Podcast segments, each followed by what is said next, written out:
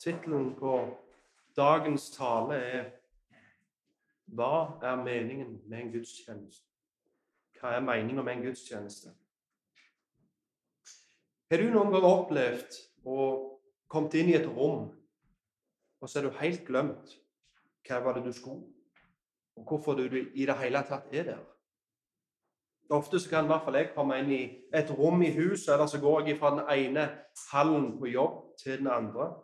Men så må jeg stoppe opp og spørre meg sjøl hva er det jeg gjør her? Hva var det jeg skulle? Hvor er jeg på vei nå? Kjenner dere dere igjen? I noen sekunder så er jeg helt blank. Jeg aner ikke hvorfor jeg er der, eller hva jeg holder på med. Men heldigvis så var dette bare noen sekunder. For som regel når jeg får tenkt meg litt om, så kommer det fort til meg hva planen min var, og hvor jeg var på vei. Men tenk hvis det hadde vært tilfellet at hver gang du kom inn i dette ene rommet i huset, så skjer det at du blir helt blank. Hver gang du trer inn i dette rommet, så må du stille deg spørsmålet Hva var det jeg skulle her igjen? Nå er jeg her igjen, men jeg aner ikke hvorfor. Noe lignende dette skjer mange kristne hver søndagsmorgen når de kommer til gudstjeneste. Og sørgelig så hjelper det heller ikke å la det gå noen sekunder de kan få tenke seg om. For mange av de kan ikke, sjøl ikke litt betenkningstid, gi svaret til Hvorfor er du her? Hvorfor er dere her? Mange kristne i dag kommer til gudstjeneste, men enten så har de glemt hvorfor, eller så har de rett og slett aldri visst hvorfor.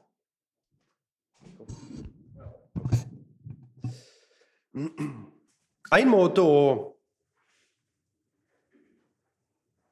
Ja, man kan nok ha et kjapt svar til spørsmålet hvorfor er du på gudstjeneste. Men det betyr ikke at de har forstått hvorfor Gud vil at vi skal samles. Spør du en av de små, for eksempel, så vil de kanskje si at ja, jeg er her for mamma og pappa sa jeg skulle. Jeg hadde ikke noe valg. Eller spør du en av de voksne, så kan de kanskje si det at ja, nei, det er trivelig, koselig, det er dette vi gjør i vår familie. Det er sosialt, vi får treffe gamle og nye venner og bekjente. Noen vil kanskje si at jeg går der, for der serverer de ei due eller god kake? Hvem vet? En måte å svare på spørsmålet hvorfor samles vi her, det kan være å lage en lang liste og oppsummere alt vi gjør på en gudstjeneste. Vi står, vi sitter, vi ber, vi synger, vi bekjenner synd, vi bekjenner vår tru, vi gir, vi får. Vi hører Guds ord, vi spiser brød og vin, etterfulgt av mer mat og kake. Men tingen er, du har fortsatt ikke svar på spørsmålet hvorfor. Hvorfor? Hvorfor gjør vi alt dette når vi kommer sammen? Hva er grunnen? Og Det er det jeg vil vi skal utforske litt i dag. Sist jeg talte, så nevnte jeg at vi står overfor et par endringer i nattverdsliturgien vår. Så sist gang så nevnte jeg eh, den første endringen, som er at vi ønsker å invitere unger som er døypt, til å ta del i nattverden. Den andre endringa er at vi ønsker å gå over til ukentlig nattverd. og Det kommer jeg til å adressere i talen i dag.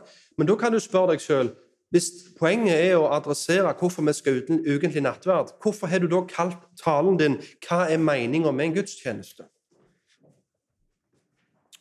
Jo, for når vi forstår hva en gudstjeneste var meint til å være, så vil vi òg få svaret til hvorfor det blir rett å ha ukentlig nattverd.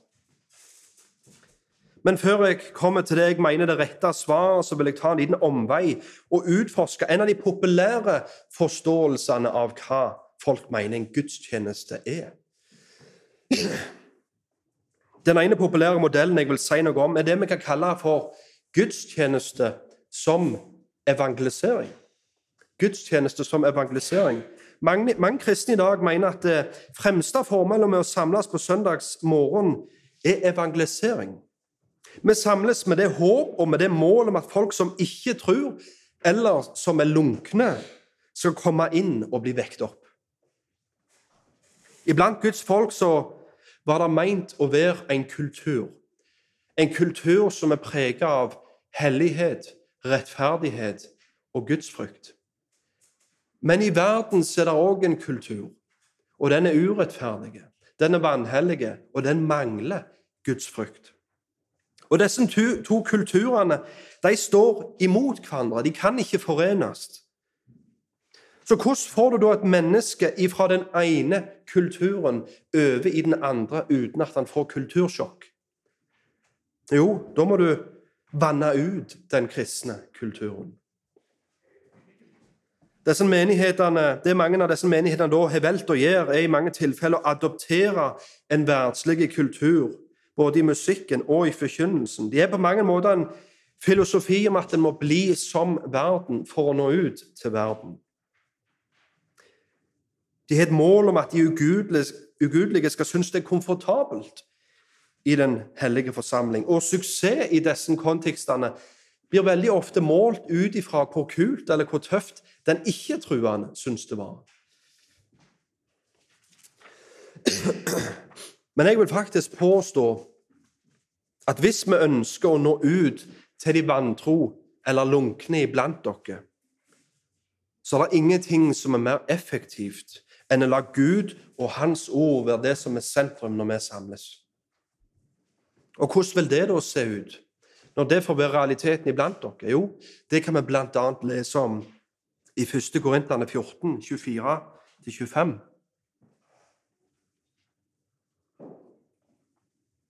Og der leser vi Men om alle taler profetisk, og en vantro eller ukyndig kommer inn, blir han overbevist av alle.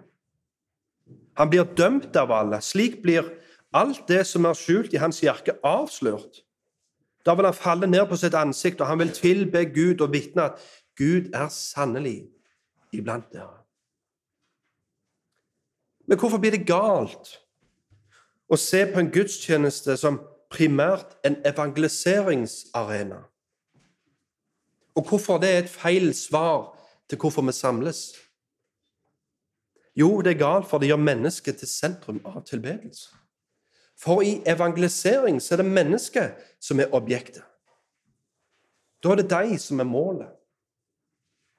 Men i en gudstjeneste så er det Gud som skal være objektet.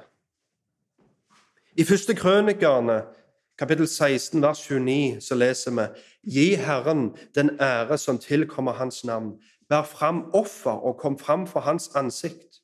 Tilbe Herren i Hans herlighetsskjønnhet. Eller i Salme 100, vers 2. Tjen Herren med glede, kom fram for Hans ansikt med jubel. Vers som dette viser at det er Gud som skal være sentrum når vi samles. Det er Han som skal være objekt av vår tilbedelse. Jesus beskrev tempelet og sa at det skal være et bønnens hus. Og når vi da som Hans tempel samles, så skal vår bønn og påkallelse være retta imot Han. Men når vi kaller det en gudstjeneste, så kan det være lett å tenke at den primære grunnen for å samles er for at vi skal gi noe til Gud. Vi skal tjene Gud. Og ja, det er noe sant i det. Men samtidig så må vi ikke glemme at hvis ikke Gud gir til oss først, så har vi ingenting å gi tilbake til ham. som jeg kan lese i 1. Korinterne kapittel 4, vers 7. Hva har du som du ikke har fått? Og hvis du nå virkelig har fått det, hvorfor skryter du som om du ikke hadde fått det? Så på mange måter så er et viktig aspekt av en gudstjeneste at Gud gir til oss, sånn at vi igjen kan gi til Han. Gud kaller oss til møter framfor Hans trone, og der samles vi for å motta ifra Han. Og av det Han har gitt dere, så gir vi tilbake til han. Ser dere den? Men for å forstå mer av hvorfor vi samles, så er det fortsatt ikke nok å bare si vi kommer for å få, og vi kommer for å gi. For det, En sånn beskrivelse kan også være sant om mange andre forhold her i livet vårt. Vi går på jobb for å gi av vår tid og arbeidskraft, for å få betalt. Vi gir av pengene våre i butikken for å motta produktet. Vi gir av tida vår på skolen for å motta kunnskap. Nei, det forholdet vi har til Gud, er så mye mer enn det. I Bibelen så blir det forholdet Gud har til menigheten, sammenlignet med det forholdet en ektemann har til si kone. I Efesene 5, 22-32 så blir det sagt at mannen er kvinnens hode, slik Kristus er menighetens hode. Og så slik menigheten underordner seg Kristus, slik skal derfor hustruen underordne seg sin egen, egen menn, egne menn i alle ting. Dere ektemenn, elsk deres hustruer slik også Kristus elsket menigheten og gav seg selv for den. Som andre ord, det forholdet her på jord som best skal reflektere forholdet mellom Kristus og menigheten, Gud og oss, det er ekteskapet. Og et ekteskap kan ikke bare oppsummeres med at det er et forhold mellom to mennesker der de gir og får. Det er så mye mer enn det. Ekteskapet er først og fremst en pakt mellom to mennesker. Og Vi skulle gjerne ønske at det var et kapittel eller et vers i Bibelen der vi kunne bla opp og finne en nøyaktig definisjon på hva en pakt er for noe, men det har vi dessverre ikke. Og Derfor, for å kunne finne en definisjon, det vi da er nødt til å gjøre, det er å studere paktene og hvordan Gud har forholdt seg til mennesket opp gjennom Bibelen. Og ut ifra det så kan vi få en definisjon på hva en pakt er for noe. Og Derfor så vil jeg prøve å gi dere en definisjon på en pakt nå. En bibelsk pakt er et formelt eller juridisk bindende forhold mellom to eller flere parter, der velsignelse eller forbannelse medfølger som en konsekvens av brudd eller trofasthet til pakten. Jeg sier det igjen. En bibelsk pakt er et formelt eller juridisk bindende forhold mellom to eller flere parter, der velsignelse eller forbannelse medfølger som en konsekvens av brudd eller trofasthet til pakten. Så vi har ikke bare et personlig forhold til Gud, som er så populært å si i dag. Men som kristne så er vi i et formelt forhold til Gud. Og dette forholdet blir i Bibelen kalt en pakt. Når Jesus innstifta nattverden, måltidet der vi feirer forholdet vi har med Han og med hverandre, så sier Jesus dette er den nye pakt i mitt blod. Så igjen, det som oppsummerer forholdet vårt til Gud, det er pakt. Det er en ekstreme individualisme som har fått prege hvordan vi kristne forholder oss til Gud i dag. Det er blitt mer og mer normalt for kristne å ikke lenger se behovet og vitsen i å tilhøre en menighet. Jeg har jo Den hellige ånd, jeg har Bibelen min, mer enn det trenger jeg ikke. og Hvis jeg skulle trenge noe påfyll, så går jeg heller på et møte eller hører på en tale på nettet. Som andre ord så sier jeg ikke trenger Sier jeg har det jeg trenger, hva skal jeg da med en menighet? Så alt handler i grunnen bare om deg. Jeg har det jeg trenger. Hva skal da jeg med en menighet? Men har du noen gang tenkt på at Vitsen med en menighet kanskje ikke var at det handler om deg når dere kommer sammen, men at det faktisk handler om Gud. De vil ha en tilknytning til legemet, og derfor er de raske med å si jeg tilhører den universelle menigheten, men de vil allikevel ikke forplikte seg til det legemet med å finne seg en lokale menighet. Et spørsmål jeg liker å stille av disse som lever med en sånn filosofi, er hva er da problemet med samboerskap? For hvis det ikke er vits i å forplikte seg til en menighet, hva er da vitsen i å forplikte seg til en dame, eller for en dame å forplikte seg til en mann? For disse to forholdene skal jo være et bilde på hverandre. Samboerskapet er først og fremst galt, for det forkynner en løgn om hvordan Gud forholder seg til sin brud. Gud har ikke gått inn i en uforplikta forhold med oss, men han har forplikta seg til sin brud gjennom en pakt og denne pakten gikk han inn gjennom en ed. Og han ga til og med et paktstegn. Sant? Og jeg vil lese det, denne ekteskapsinngåelsen med Gud og sin brud i Hebreerne 6, 13. Hebreerne 6, 13.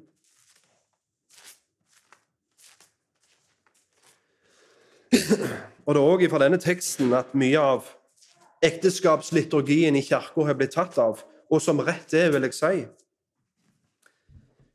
Hebreerne 6, 13-10. For da Gud ga løftet til Abraham, sverget han ved seg selv, siden han ikke hadde noe større å sverge ved. Og han sa, 'Sannelig, jeg vil rikelig velsigne deg og rikelig mangfoldiggjøre deg.' Som andre ord, det som blir beskrevet her, det er Guds paktsinngåelse med hans folk. Og det var ikke bare med Abraham, men det var med han og hans, han og hans etterkommere. Så med andre ord, dette her er Guds paktsinngåelse med, med sin brud. Og han sa, 'Sannelig, jeg vil rikelig velsigne deg og rikelig mangfoldiggjøre deg.' Og så, etter at han tålmodig hadde holdt ut, oppnådde han det som var sagt i løftet.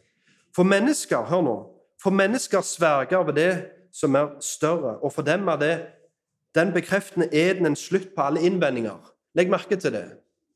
At når noen gifter seg, så er det liksom 'speak now or forever be silent'. Har dere tenkt over det noen gang? Før løftene og eden skal avgå. Det har vi fra denne teksten.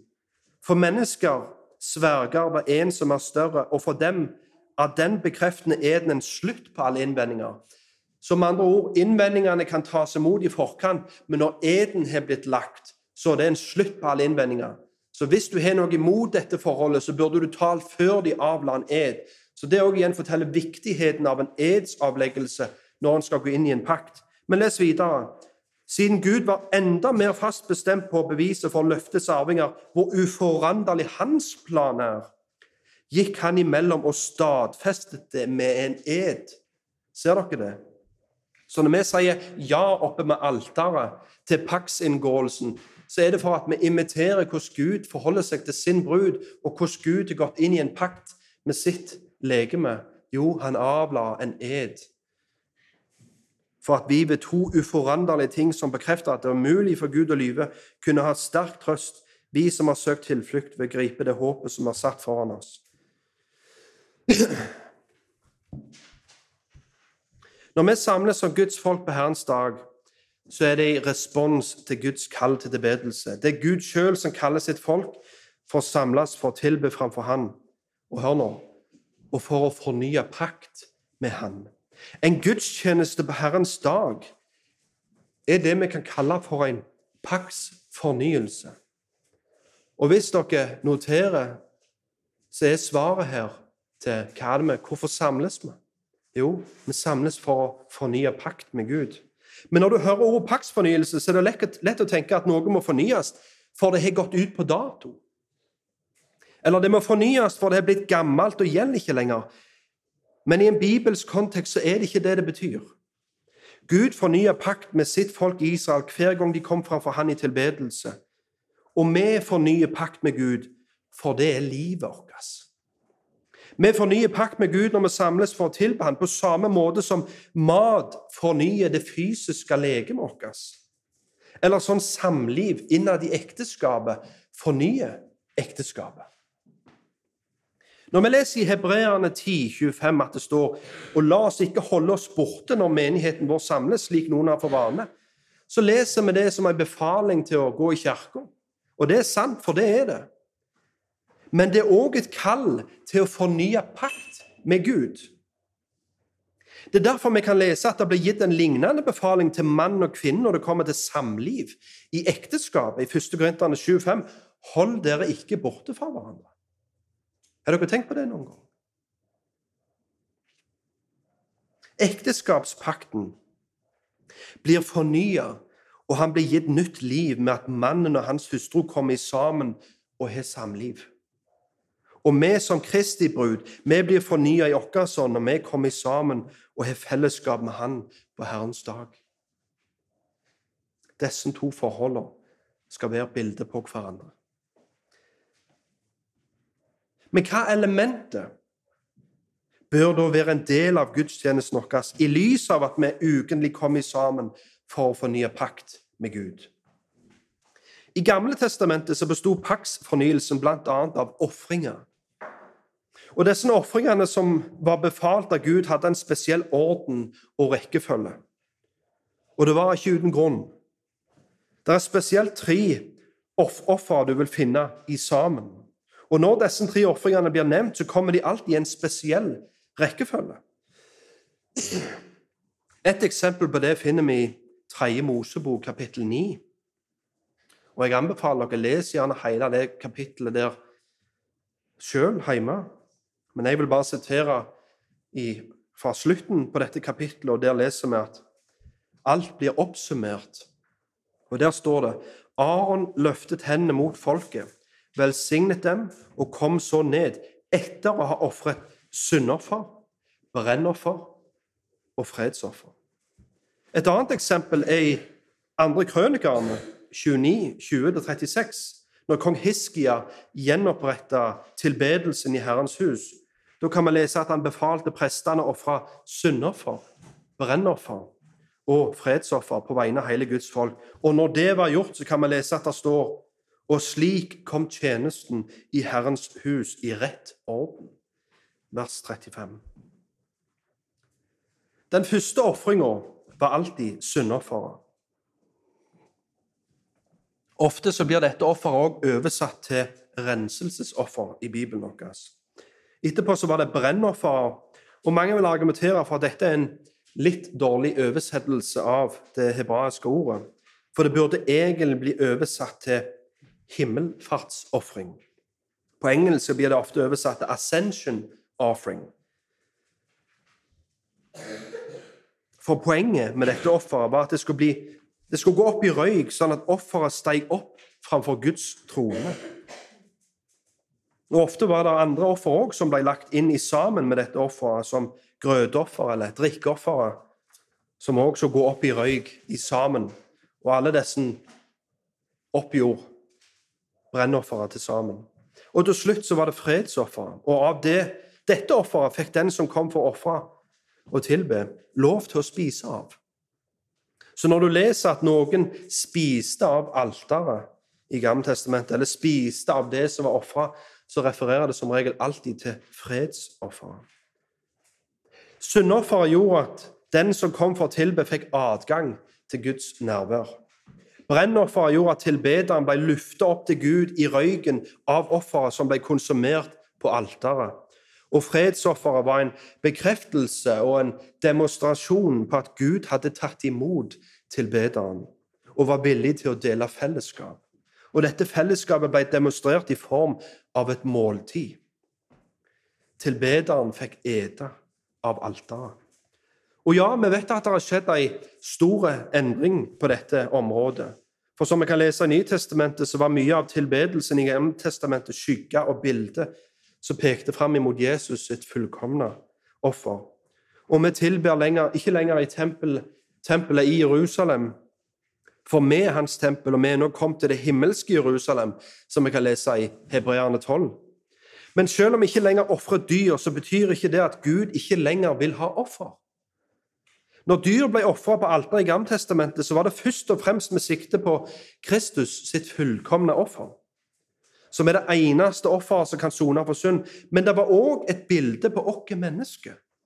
For gjennom tro så blir vi forent med Kristus, og da kaller Gud dere til å være levende offer for Han. I dag så feirer vi pinse. Og har du noen gang lurt på hvorfor Gud åpenbarte seg som en flamme over hovene på apostlene den dagen? Jo, for her var det en gammeltestamentlig skygge som fikk sin oppfyllelse. I Gammeltestamentet kan du kanskje huske når Guds herlighet viste seg over tempelet eller tabernakelet. At der kom en ild ut ifra Herrens herlighet som antente offeret som hadde blitt lagt på alteret. Men hva er det vi får se på pinsedag? Jo, da får vi se at Herrens herlighet stiger ned over det nye tempelet, som er Kristi legeme. Og Herrens ild blir tent over hovene på de tolv apostlene. Og de blir med det istandsatt av en hellig ånd til å være levende offer for Herren. Og dette er òg sant for oss. Når Jesus ofra seg sjøl, så oppfylte han dyreofringene i Gammeltestamentet. og Derfor er det ikke lenger behov for dyr- og blodsutgytelse. Men disse dyra var òg en symbolsk representasjon av mennesket som skulle ofre seg til Gud. Og det er det vi nå lever i oppfyllelsen av, med å framstille vårt legeme som et levende offer for Herren, som vi kan lese i Romane 12,1. Det er fort gjort å tenke at tempel og ofringene i Gammeltestamentet ikke lenger har noen relevans for hvordan vi i Nytestamentet lever eller tilber. Men det kunne ikke vært lenger ifra sannheten. Med et raskt overblikk over Nytestamentet så vil du fort se at ofringene ikke har blitt opphevet, men de har fått sin oppfyllelse. Ikke bare gjennom Kristi verk for oss, men òg gjennom Kristi verk i oss. Ofringene beskriver essensen Ofringer beskriver essensen av hva Kirka sitt oppdrag er her i denne verden. Og Nå skal jeg lese, nå skal jeg ta dere med og gi et lite overblikk over Nytestamentet. Så skal jeg vise dere hvordan ofringene i den nye pakt blir beskrevet. I 1. Peter kapittel 3, vers 4-5 så leser vi Når dere kommer til ham, den levende stein, som ble forkastet av mennesker, men er utvalgt av Gud og dyrebar, blir også dere som levende steiner bygd opp til et åndelig hus, et hellig presteskap, til å bære fram åndelig offer som, et, som er til behag for Gud ved Jesus Kristus. Eller i Filipperne 2,17 så kan vi lese at Paulus beskriver livet sitt som et drikkoffer som blir utøst på alteret for Gud. Og hør, ja, og hvis jeg blir utøst som et drikkoffer under ofringen og tjenesten for deres tro, er jeg glad, og jeg gleder meg sammen med dere alle. Eller i Romerne 12,1, som jeg har sitert flere ganger i dag. Jeg ber dere derfor på det sterkeste søsken ved Guds barmhjertighet at dere framstiller deres kropper som et levende, hellig og velbehagelig offer for Gud. Dette er deres åndelige gudstjeneste. Eller Hebreerne 13, 16. Glem ikke å gjøre godt og dele med andre, for Gud har behag i slike offer. Eller i Romerne 15, 16, der beskriver Paulus sin evangelisttjeneste til hedninger som en offertjeneste for Gud. Hør nå. Likevel, brødre, om noen har jeg skrevet mer frimodig til dere for å påminne dere. Det gjør jeg på grunn av den nåde som har gitt meg i Gud, at jeg skulle være en Jesu Kristi tjener overfor folkeslagene og gjøre prestetjeneste for Guds evangelium, for at folkeslagene kan være et velbehagelig og hellig offer ved Den hellige ånd. Eller i Filipperne kapittel 4, vers 18, som skriver Paulus gaven som har blitt sendt han som et velbehagelig offer for Gud. Men nå har jeg, har jeg alt, og jeg har også overflod. Jeg har rikt mål etter å ha mottatt fra Epafroditus det som ble sendt fra dere, en velduft og et kjærkomment offer til Guds behag. Og som levende offer så ber vi med oss ei lukt på samme måte som ofringene i Gammeltestamentet ga ifra seg ei lukt når de ble lagt på alteret og gikk opp i røyk. Og hør nå For via Kristi veldukt for Gud blant den som blir frelst, og blant den som går for tap. For den som går fortapt, er vi dødens duft som fører til død, og for den som blir frelst, er vi livets duft som fører til liv. Og hvem er vel i stand til dette? Kristne som lever et sjøloppofrende liv i kjærlighet og gode gjerninger vil for Gud og andre kristne være ei velduft, ei lukt av liv. Men for de som hater Gud, så vil vi ikke være annet enn ei lukt av brent kjøtt på et bål. Ei lukt, en aroma av død, om du vil. Det blir også brukt et ofringsspråk i Nytestamentet når det beskriver hva helliggjørende effekt forkynnelsen av Guds ord har på mennesket. Og hør nå, Hebreerne 4,12. For Guds ord er levende og virksomt, og det er skarpere enn noe tveget sverd. Det trenger igjennom helt til det kløyver både sjel og ånd, ledd og marg, og det er dommer over hjertets tanker og motiver. Ingen skapning er skjult for ham, men alt er naken og blottlagt for hans øyne, som vi skal avlegge regnskap for. Dette er verset her, en referanse til hva prestene i Gamle testamentet gjorde med offeret etter det hadde blitt drept og lagt på alteret. Og til hvordan han forberedte offeret før røyken av det skulle stige opp framfor Gud. Når vi hører ordet lest og forkynt, så blir vi lagt under kniven, om du vil. Og vi blir forberedt til en ny uke der vi skal vandre som levende offer, som ei velduft for Herren. Og ikke minst så blir tilbedelsen vår beskrevet som et offer til Gud i Hebreerne 13, vers 15 f.eks. La oss derfor ved ham alltid bære fram lovprisningsoffer for Gud, det vil si frukt av lepper som lover hans navn. Og bønnene våre blir beskrevet som røkelse som blir lagt på Guds alter i åpenbaringen 8,4, og røyken av røkelsen sammen med alle de helliges bønner steg opp foran Guds trone, Nei, opp foran Gud fra engelens hånd. Som dere ser, så har ikke det gamle testamentlige ofringsspråket forsvunnet, men tvert imot så er det fundamentalt gjennom hele den nytestamentlige tilbedelsen.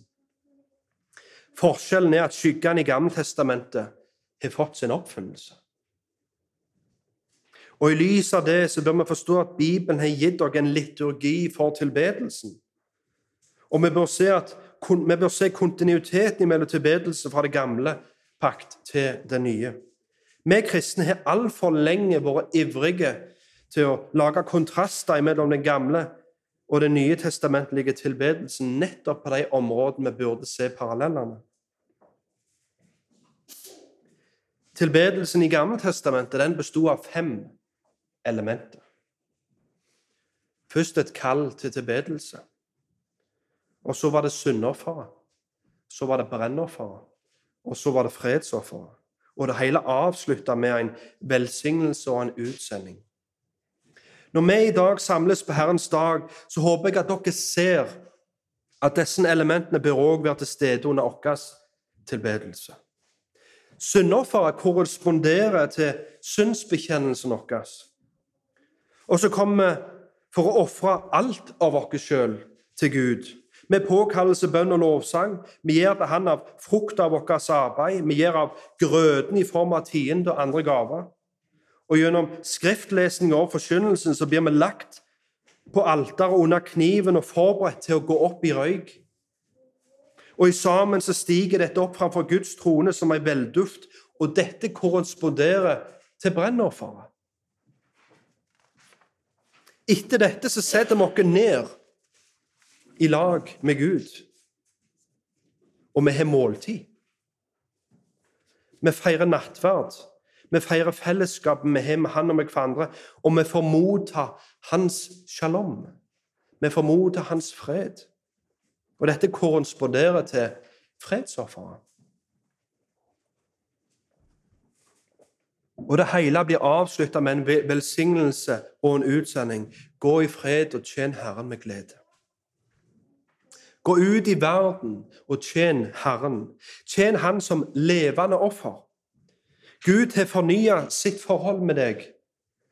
Han har fornya paksforholdet. Han har vasket deg reine. Han har styrka din frelsesvisshet. Han har livnært deg både åndelig og fysisk. Du har fått ditt forhold med Han bekrefta og stadfesta på ny. Alle elementer i den gammeltestamentlige tilbedelsen var skygge av forbildet på den realiteten vi lever i i dag. Jesus kom ikke for å oppheve loven eller profetene, men han kom for å oppfylle det, stadfeste det, som vi kan lese i Matteus 5, 17. Han kom for å gi disse skyggene og bildene sin skikkelse og sanne mening. Når forfatteren av hebreerbrevet beskriver ofringene i Gammeltestamentet, så skriver han i kapittel 9,9 dette er lignelser og bilder inntil den tid som er nå. Når røyken steg opp ifra offeret på alteret, så skulle det symbolisere tilbederen som gjennom røyken fikk stige opp framfor Guds trone. Men dette var en skygge og et bilde på den tid som er nå. Vi lever nå i realiteten av dette. Vi får faktisk stige opp til himmelen i vår tilbedelse. Og vi har nå adgang i Jesu navn inn forbi forhenget. Inn til det aller helligste, der Gud sitter på tronen, og Hans Sønn sitter med hans høyre side. Så når vi leser i Hebreerne 10, 25 at det står 'La oss ikke holde oss borte når menigheten vår samles, slik noen har for vane, så er det egentlig en befaling til å ikke neglisjere møter i himmelen. Ser dere det? Og Det blir veldig tydelig hvis vi leser det verset i sin kontekst. Og det har jeg faktisk lyst til å gjøre med dere nå. Vær med meg til Hebreerne 10.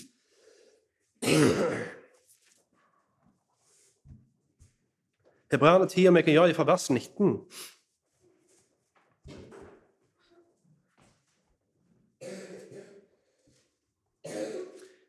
Derfor, brødre, har vi frimodighet til å gå inn i helligdommen ved Jesu blod. Så konteksten her, han snakker om at hold dere ikke vekk fra deres egen forsamling. Med andre ord, kom i kirka. Men han begynner med å si vi har frimodighet til å gå inn i helligdom. Vi har en ny og levende vei som han har innviet for oss gjennom forhenget. Det vil si hans skjød. Og siden vi har en ypperste prest over Guds hus, så la oss komme nær med et sannferdig hjerte i troens fulle visshet, etter at vi har fått våre hjerter overstenket og på den måten blitt renset fra en ond samvittighet, og også har fått våre legemer vasket med rent vann. Og legg merke til hva det står der. Vers 22. Jeg leser det på ny. La oss komme nær med et samferdig hjerte i troens fulle visshet, etter vi har fått våre hjerter overstenket og på den måten blitt renset fra en ond samvittighet, og også har fått våre legemer vasket med rent vann. Hvor er det den ordlyden der kom ifra? Refererer det til dåpen? Nei. Det står i kontekst av ofringer.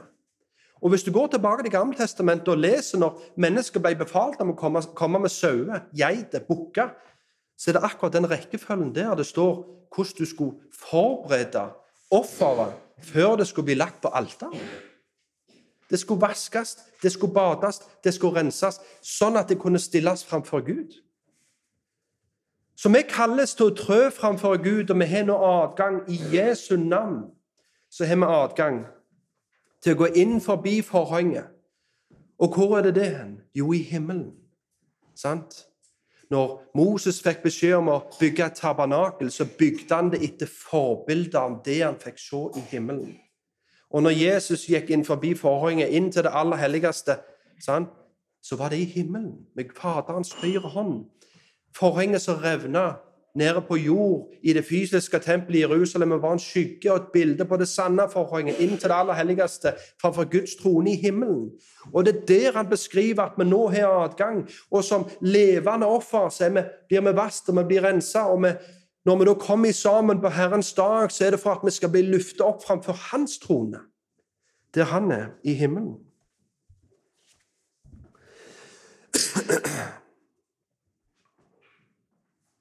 Når vi samles sammen på Herrens dag, så er det for å bli løftet opp for å tilbe Gud framfor Hans trone. I Åpenbaringen 1.10 kan vi lese at Johannes på Herrens dag ble grepen av Ånden, og han ble løfta opp til himmelen. Og det er det samme som skjer med oss. Vi kristne har det enorme privilegiet at vi i vår tilbedelse på Herrens dag så blir vi løfta opp framfor Guds trone i himmelen. Vi får tilbe i lag med en talløs skare av engler. Vi får prise Gud i lag med de fullkomne åndene av de hellige. Og Jeg vil bare at dere skal være med meg først i Hebreerne. Vær med meg til Hebreerne 12. Vi kan lese vers 22-24, så vi forstår hva det er vi kommer til når vi samles på Herrens dag. Hva det er vi skal? Hvor er vi på vei? Og der står det Men dere er kommet til Sions berg og til den levende Guds stad, det himmelske Jerusalem, til en talløs skare av engler, til festforsamlingen av og menigheten av de førstefødte som er oppskrevet i himmelen, til Gud, alles dommer, og til de fullendte, rettferdige ånder, til Jesus, mellommannen for den nye pakt og til renselsens blod som taler bedre enn Abels blod. Men kan vi se denne realiteten med det blotte øyet vårt? Når vi nå er samla her i dag, ser vi disse englene. Ser vi skarene av de hellige? Nei, men vi ser det med troens øye. Gjennom tru, når vi kommer for å tilbe som Hans folk, og når vi samles her på Herrens dag, når vi kommer i tru, så ser vi dette. Vi ser at det er det som er realiteten. Så forstår dere da hvorfor vi begynner gudstjenesten med å si la oss forberede hjertene våre til å møte Gud. For vi trenger det, for det er det vi er i ferd med å gjøre på en helt unik måte. På en helt unik måte som kommer framfor Gud på Herrens dag, på denne søndagen. Med troens øye så ser vi det. Det er bare gjennom tro at vi kan få skue inn i disse realitetene. Og det er gjennom tro til Jesus at vi får adgang inn i det aller helligste. Så når vi forstår hva en gudstjeneste var meint til å være, så håper jeg at vi òg forstår hvorfor ukentlig nattverd bør være en del av det. Fredsofferet var en bekreftelse og en demonstrasjon på at Gud hadde tatt imot tilbederen. Han hadde fred med Gud. Og denne freden med Gud ble demonstrert gjennom at tilbederen på slutten av gudstjenesten fikk sette seg ned og spise i lag med Gud. Nattverden er oppfyllelsen av denne skyggen. I nattverden blir vi som hans folk invitert til å sette oss med hans bord. Og der feirer vi at vi har fred med Gud gjennom Kristus sitt fullkomne offer, hans legeme og blod gitt for oss. Jeg håper at denne talen her i dag har hjulpet dere til å forstå mer av hva meninga med en gudstjeneste er. Jeg håper rett og slett at dere aldri kommer til gudstjeneste på den samme måten igjen. Jeg håper at dere forbereder ungene og familien deres på vei bort her i bilen og sier at vi går på møte for Gud kaller dere til møte framfor Hans trone i himmelen. Når vi nå kommer i sammen, så er det for at vi som hans folk skal bli løfta opp. Tilbedelsen vår, sangen vår, skal som dette brenner for. Det skal bli lagt på alteret, og røyken av sangen og bønnen og tilbedelsen det skal stige opp som en veldo framfor hans trone. Og så skal vi være der i lag med en talløs skare av engler og festforsamlinger av de hellige. Og vi skal prise i lag som én menighet.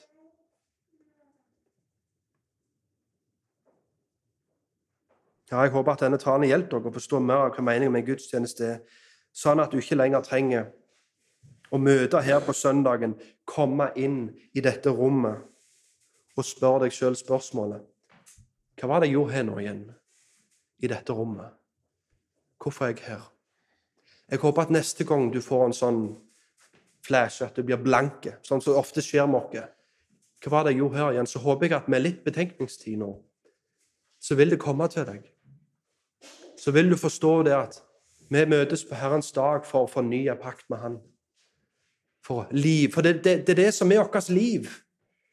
Vi blir livnært av å komme sammen med Han her på denne Herrens dag. På samme måte som ekteskapspakten blir livnært av samlivet. Og kroppen vår, det fysiske livet vårt, blir livnært av maten vi stapper i kroppen. Vi trenger det. Det er livsnødvendig. Det er derfor det står vi lever ikke bare brød alene med hvert ord som kommer ut av hans munn. Vi trenger å samles og få høre hva han har å si, så vi kan gå herifra livnært. Vi trenger søndag etter søndag, uke etter uke, så trenger vi på ny å bli lagt på dette alteret. Vi trenger at denne prestekniven, Guds ord, at det får kløyve marg og bein og legge oss åpent opp på dette alteret, så at vi kan bli forberedt framfor Gud til å være et levende offer til uka som kommer.